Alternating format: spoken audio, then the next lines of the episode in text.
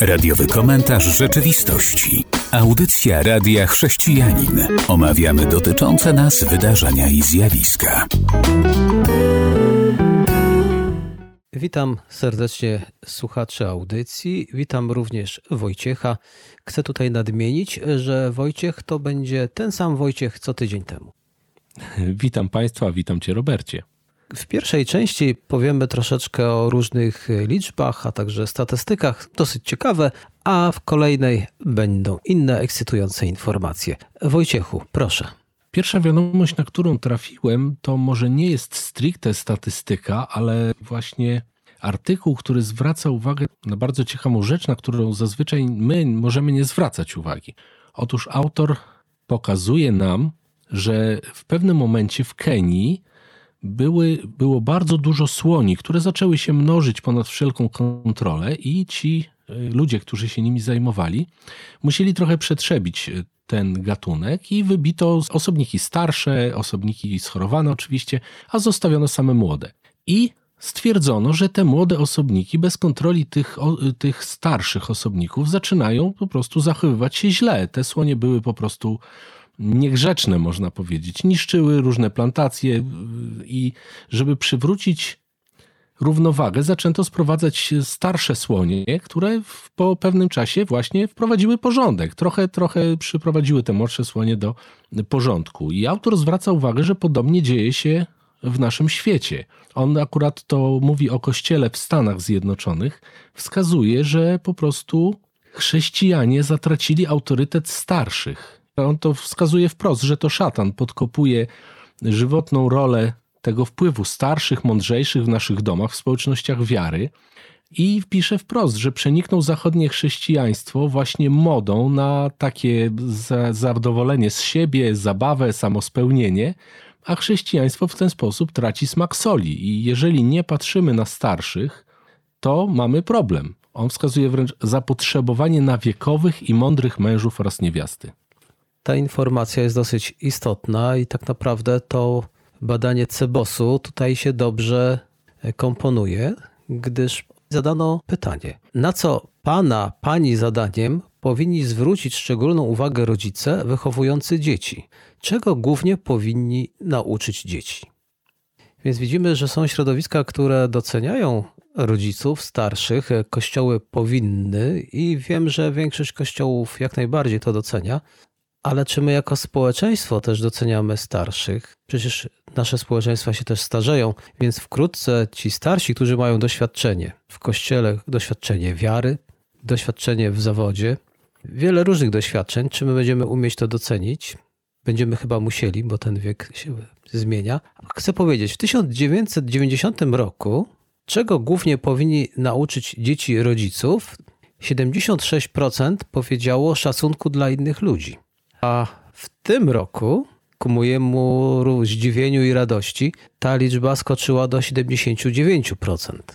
No to świetna wiadomość, że ludzie widzą potrzebę tego, że starsi to nie jest tylko ciężar ludzi, których musimy utrzymywać, a jednak doświadczenie, z którego możemy czerpać. Wracając do tego tematu, czego głównie powinni rodzice nauczyć swoje dzieci, to jest jeszcze pracowitości, 87% było w 1990 roku, a w tym 75%. Więc jak widać, to trochę spada. Poczucie odpowiedzialności mniej więcej tyle samo 68, 69. Niezależności 12% to było w 1990 roku, a teraz 51. To jest taki niezły skok. I a propos różnic i skoków, to posłuszeństwa to było w roku 1990 a teraz ledwo 6% na to zwróciło uwagę. No to chyba nie będziemy mieli wiele posłusznych dzieci. No tak, niestety widzimy, że to system informatyczny też nie poprawia tego.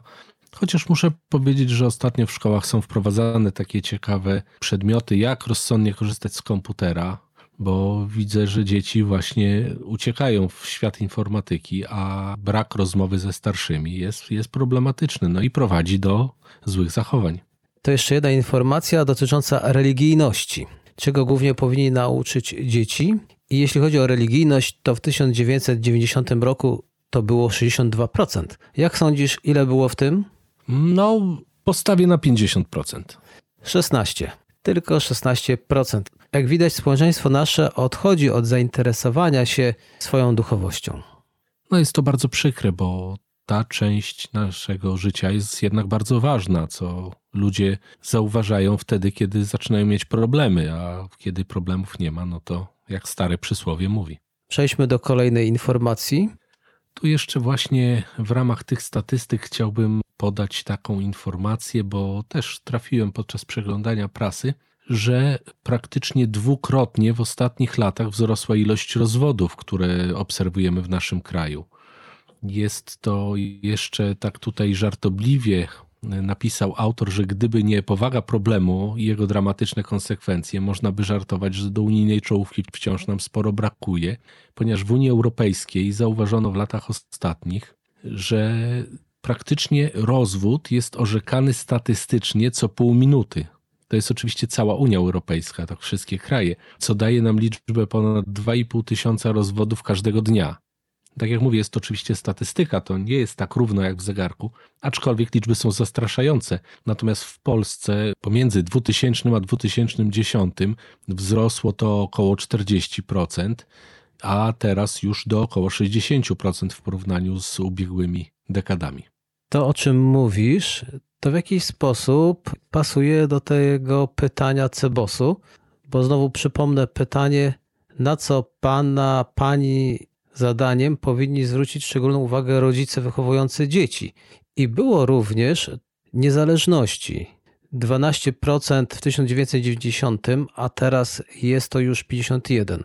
No jeżeli wszyscy chcemy być aż tak niezależni, a wstępujemy w związek małżeński, więc wtedy jest zależność, to po co komu związek małżeński, jak on chce być tak bardzo niezależny? I jeżeli ankietowani wręcz mówią, że tego powinni uczyć rodzice swoich dzieci, no to i być może nauczyli.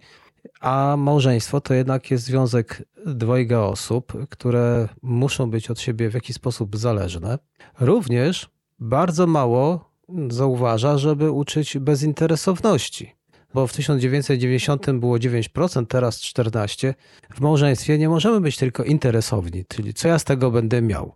Czasami przecież okazujemy miłość, szacunek, jakiś gest, jakaś pomoc, może kolacja, może herbatę, nie patrząc, co ja z tego będę miał. A jeżeli patrzymy na to, co my z tego mieć będziemy, do tego dochodzi ta niezależność, no to ja bym się za wiele nie dziwił, że te małżeństwa są coraz bardziej kruche.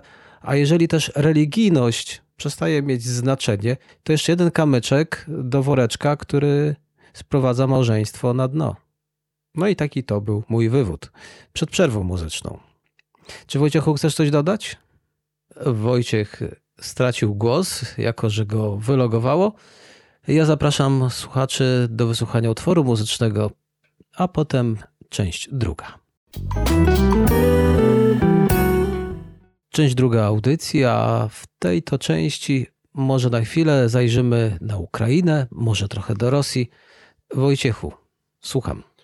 Tutaj pojawiły się dwa bardzo ciekawe listy, które chciałbym, żebyście Państwo o nich usłyszeli, jeżeli nie słyszeliście do tej pory, ty Robercie również, bo pierwszy z tych listów wysłał przewodniczący Wszechukraińskiego Związku Kościołów Ewangelicznych Chrześcijan Baptystów Walerii Anatoluk, który zwrócił się do rosyjskich kościołów i posługujących i wezwał wierzących w Rosji, by nie, nie usprawiedliwiali przestępstw rosyjskiej armii na ukraińskiej ziemi. I powiedział między innymi coś takiego, cytuję, przez 8 lat mówiono wam, że to Kijów bombarduje Donbas, że kwitnie u nas nazizm i że mieszkańcy Donbasu są zabijani. Potem propagandziści zrobili wszystko, co możliwe, żeby was uspokoić, przedstawić tę wojnę jako operację wojskową, którą teraz, jak rozumiecie, jest niczym innym jak wojna, agresja, okupacja drugiego kraju. I tu się zwraca właśnie ten pastor do Rosjan, do wierzących Rosjan, żeby właściwie spojrzeli na tą wojnę i, i przez pryzmat chrześcijański. Także takie, myślę, bardzo ciekawe przesłanie.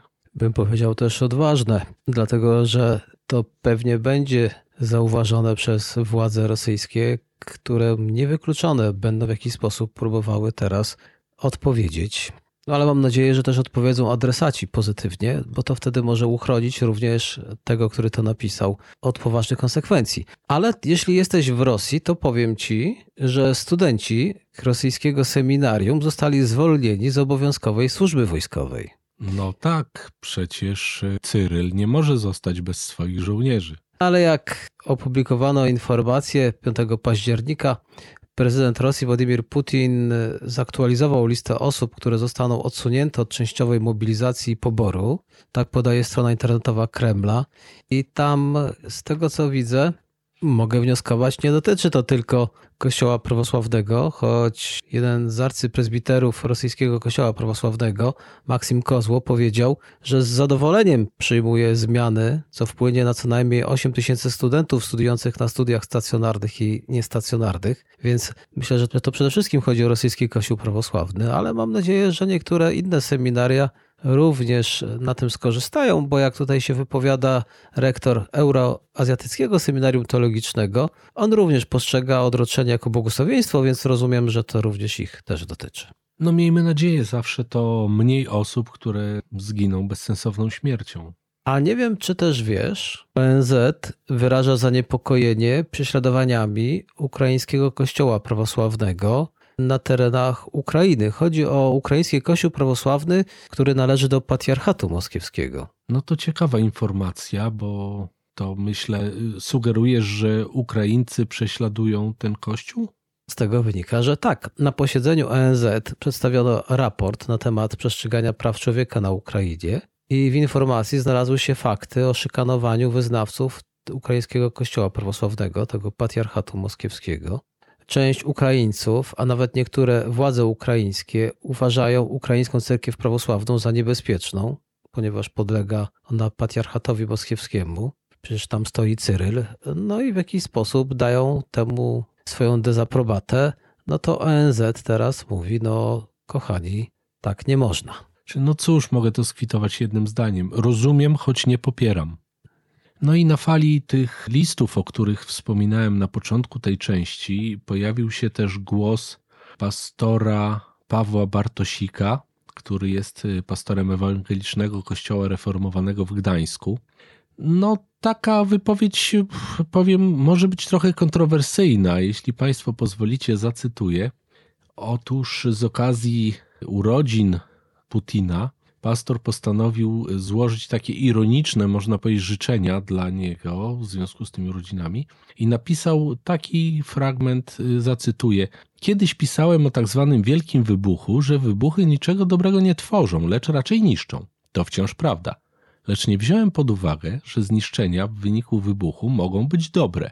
Spójrz na most krymski, piękny widok. Kiedyś zespół Izrael z radością śpiewał Płonie, płonie Babilon.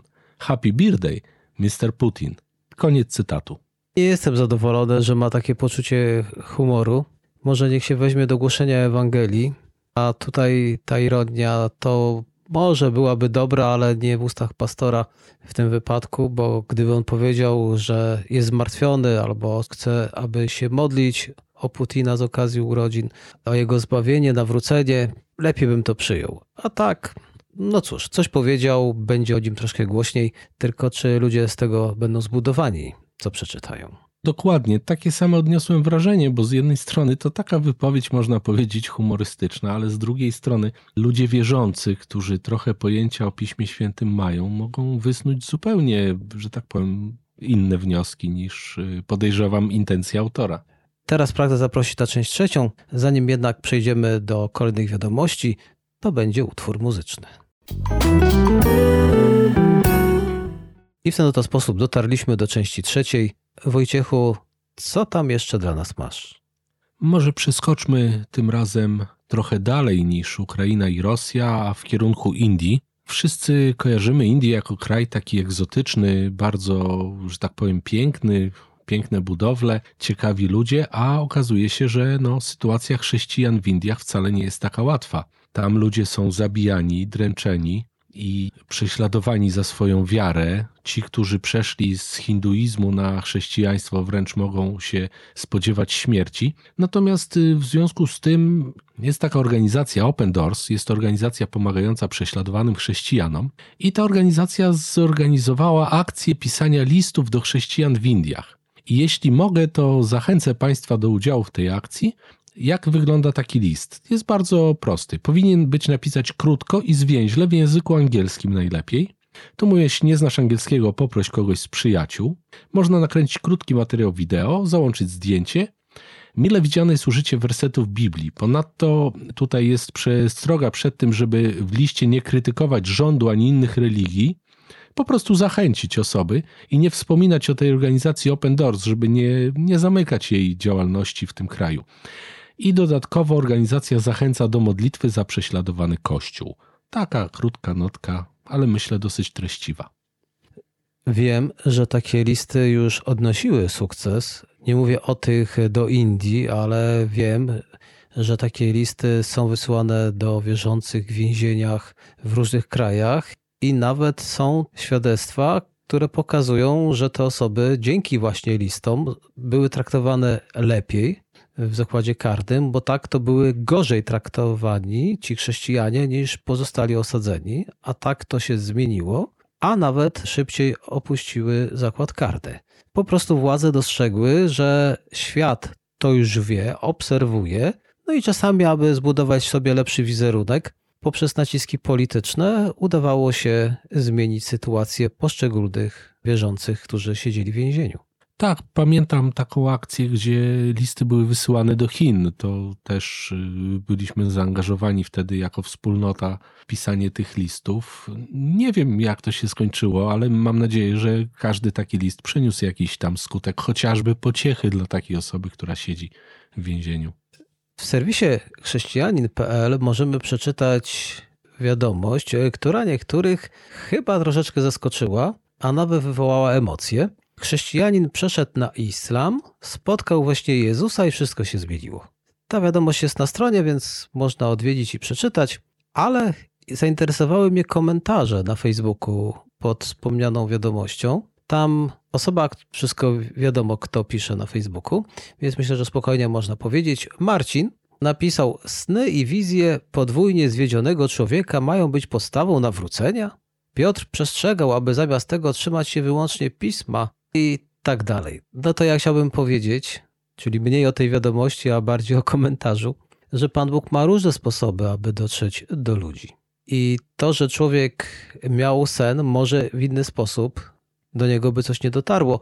A prawdą jest, że wciąż nadchodzą wiadomości ze świata muzułmańskiego, że wielu ludzi właśnie tam miało tego rodzaju wizytacje, wizytacje aniołów, sny i nawrócili się właśnie w ten sposób. Więc mówienie, że apostoł Piotr, Pismo Święte, i to jest cytowane, przestrzega, jest jak najbardziej mylące, bo dla wielu ludzi Pismo Święte nie ma przecież żadnego autorytetu, a dwa, oni jeszcze być może go w ogóle nie czytali. Odnośnie tego człowieka, no to on już wcześniej zetknął się z Pismem Świętym, ale są ludzie, do których nie można dotrzeć z Pismem Świętym i dlatego Pan Bóg tak dociera. Więc może tak szybko i pochopnie niech niektórzy nie oceniają. Ja rozumiem, że ten człowiek ponownie się nawrócił. I, tak, tak. tak. No to nie wiem, czy jest podstawa do negowania takiego snu, no bo jeżeli ten sen przyniósł dobry efekt, właściwy efekt, no to dlaczego by go negować? Są jeszcze inne komentarze, które również to negują, że sen, że on tak to się przecież nie nawrócił, bo mu jak mu się teraz przyśni coś innego, to coś się odmieni. To to nie jest prawdą. Za to inny komentarz słuszny, który tam padł, i do tego zmierzam, że podstawy chrześcijan, ich wiary, no nie są najlepsze. Bo ten człowiek, dlaczego on przeszedł na islam? Bo go muzułmanie zapędzili w tak zwany kozi róg. W pewnym to momencie on już nie wiedział, nie mógł im nic odpowiedzieć, więc oni mu dali literaturę islamską i w ten sposób mu namieszali, no ale potem tak się stało, że Pan Bóg się zmiłował, no i mu się pewne rzeczy wyprostowały. Czyli nie lekceważmy sobie tego, co już było mówione w naszej audycji, że w Stanach Zjednoczonych już na to zwrócili uwagę, że jest coś takiego jak analfabetyzm religijny. Chrześcijanie wiedzą coraz mniej, a w pytaniach o różne prawdy wiary coraz częściej odpowiadają błędnie. No tak, ja cały czas jestem taki trochę zasmucony tym faktem, że jeżeli Pan Bóg wybrał sobie taką metodę, tak, i, i mamy efekt w postaci nawrócenia. Oczywiście, no wiadomo, będziemy, znaczy, jeżeli będziemy mieli możliwość, będziemy się przyglądać dalej życiu takiego człowieka, tak, jeżeli będą jakieś doniesienia, no to jak człowiek może negować jego nawrócenie? No, no jakie są podstawy? To jest myślenie życzeniowe, tak? Jeżeli on teraz y, przyśni mu się coś innego, to on zostanie na przykład hinduistą. No ale to jest myślenie życzeniowe. No nie jest to powiedziane, nie jest to przesądzone. Dokładnie. Trochę mam, mam trochę wrażenie, że komentujący tak jakby mu zazdrościli, że człowiek coś przeżył i teraz negują to, bo no bo co? Są ludzie wierzący, bo nie ma się co dziwić niewierzącym, którym trudno jest uwierzyć w jakieś nadprzyrodzone interwencje ze strony Pana Boga. Więc może to właśnie te osoby do tych należą. A teraz już ostatnia wiadomość to z Holandii. I ta wiadomość mnie zaskoczyła. Większość holenderskich książek dla dzieci, 64%, zawiera wulgarny język. Co ty o tym sądzisz? Hmm, no, Cóż tu można powiedzieć ciekawego? No, nie czytałem na szczęście tej literatury, nie, nie znam języka holenderskiego, ale to widocznie taki trend światowy, tak? Jakiś taki znowu złe zrozumienie czegoś. Chcemy być fajni, może pokażmy, jacy jesteśmy fajni, tylko ta fajność trochę nie w tym kierunku chyba idzie, jeżeli to rzeczywiście tak jest. Taki jest wniosek śledztwa holenderskiego Związku przeciwko przeklinaniu bo ten związek zbadał holenderskie książki i w tym roku, ale robił to również w ubiegłych latach. I w tym roku zbadał 25 holenderskich książek, które zdobyły nagrody literackie. No i ten związek zauważa, że tam jest nieodpowiedni język. Tutaj zacytuję: To waha się od pojedynczych przekleństw do przeklinania. Więc no to rzeczywiście bym powiedział naród wychowany na takich książkach, to będzie chyba dużo przeklinał.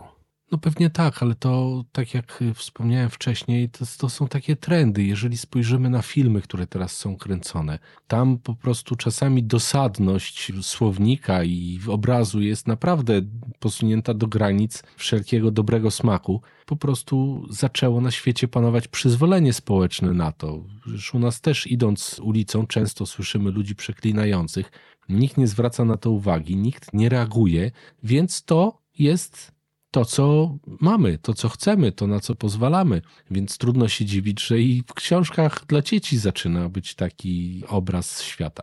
To świadczy pewnie między innymi o zubożeniu języka, do słownictwa. Niektórzy już nie wiedzą, co powiedzieć, to wstawiają tego rodzaju przerywniki. Tutaj jeszcze zacytuję dyrektora tego holenderskiego związku przeciwko przeklinaniu. Oczywiście proszę mi wybaczyć, nie wiem, czy będzie poprawnie po polsku, no ale to na bieżąco tłumaczenie. Przeklinanie w książce dla dzieci nie jest konieczne, zauważa. Napisanie pięknej i ekscytującej książki dla dzieci jest całkowicie możliwe bez używania ordynarnego i obraźliwego języka.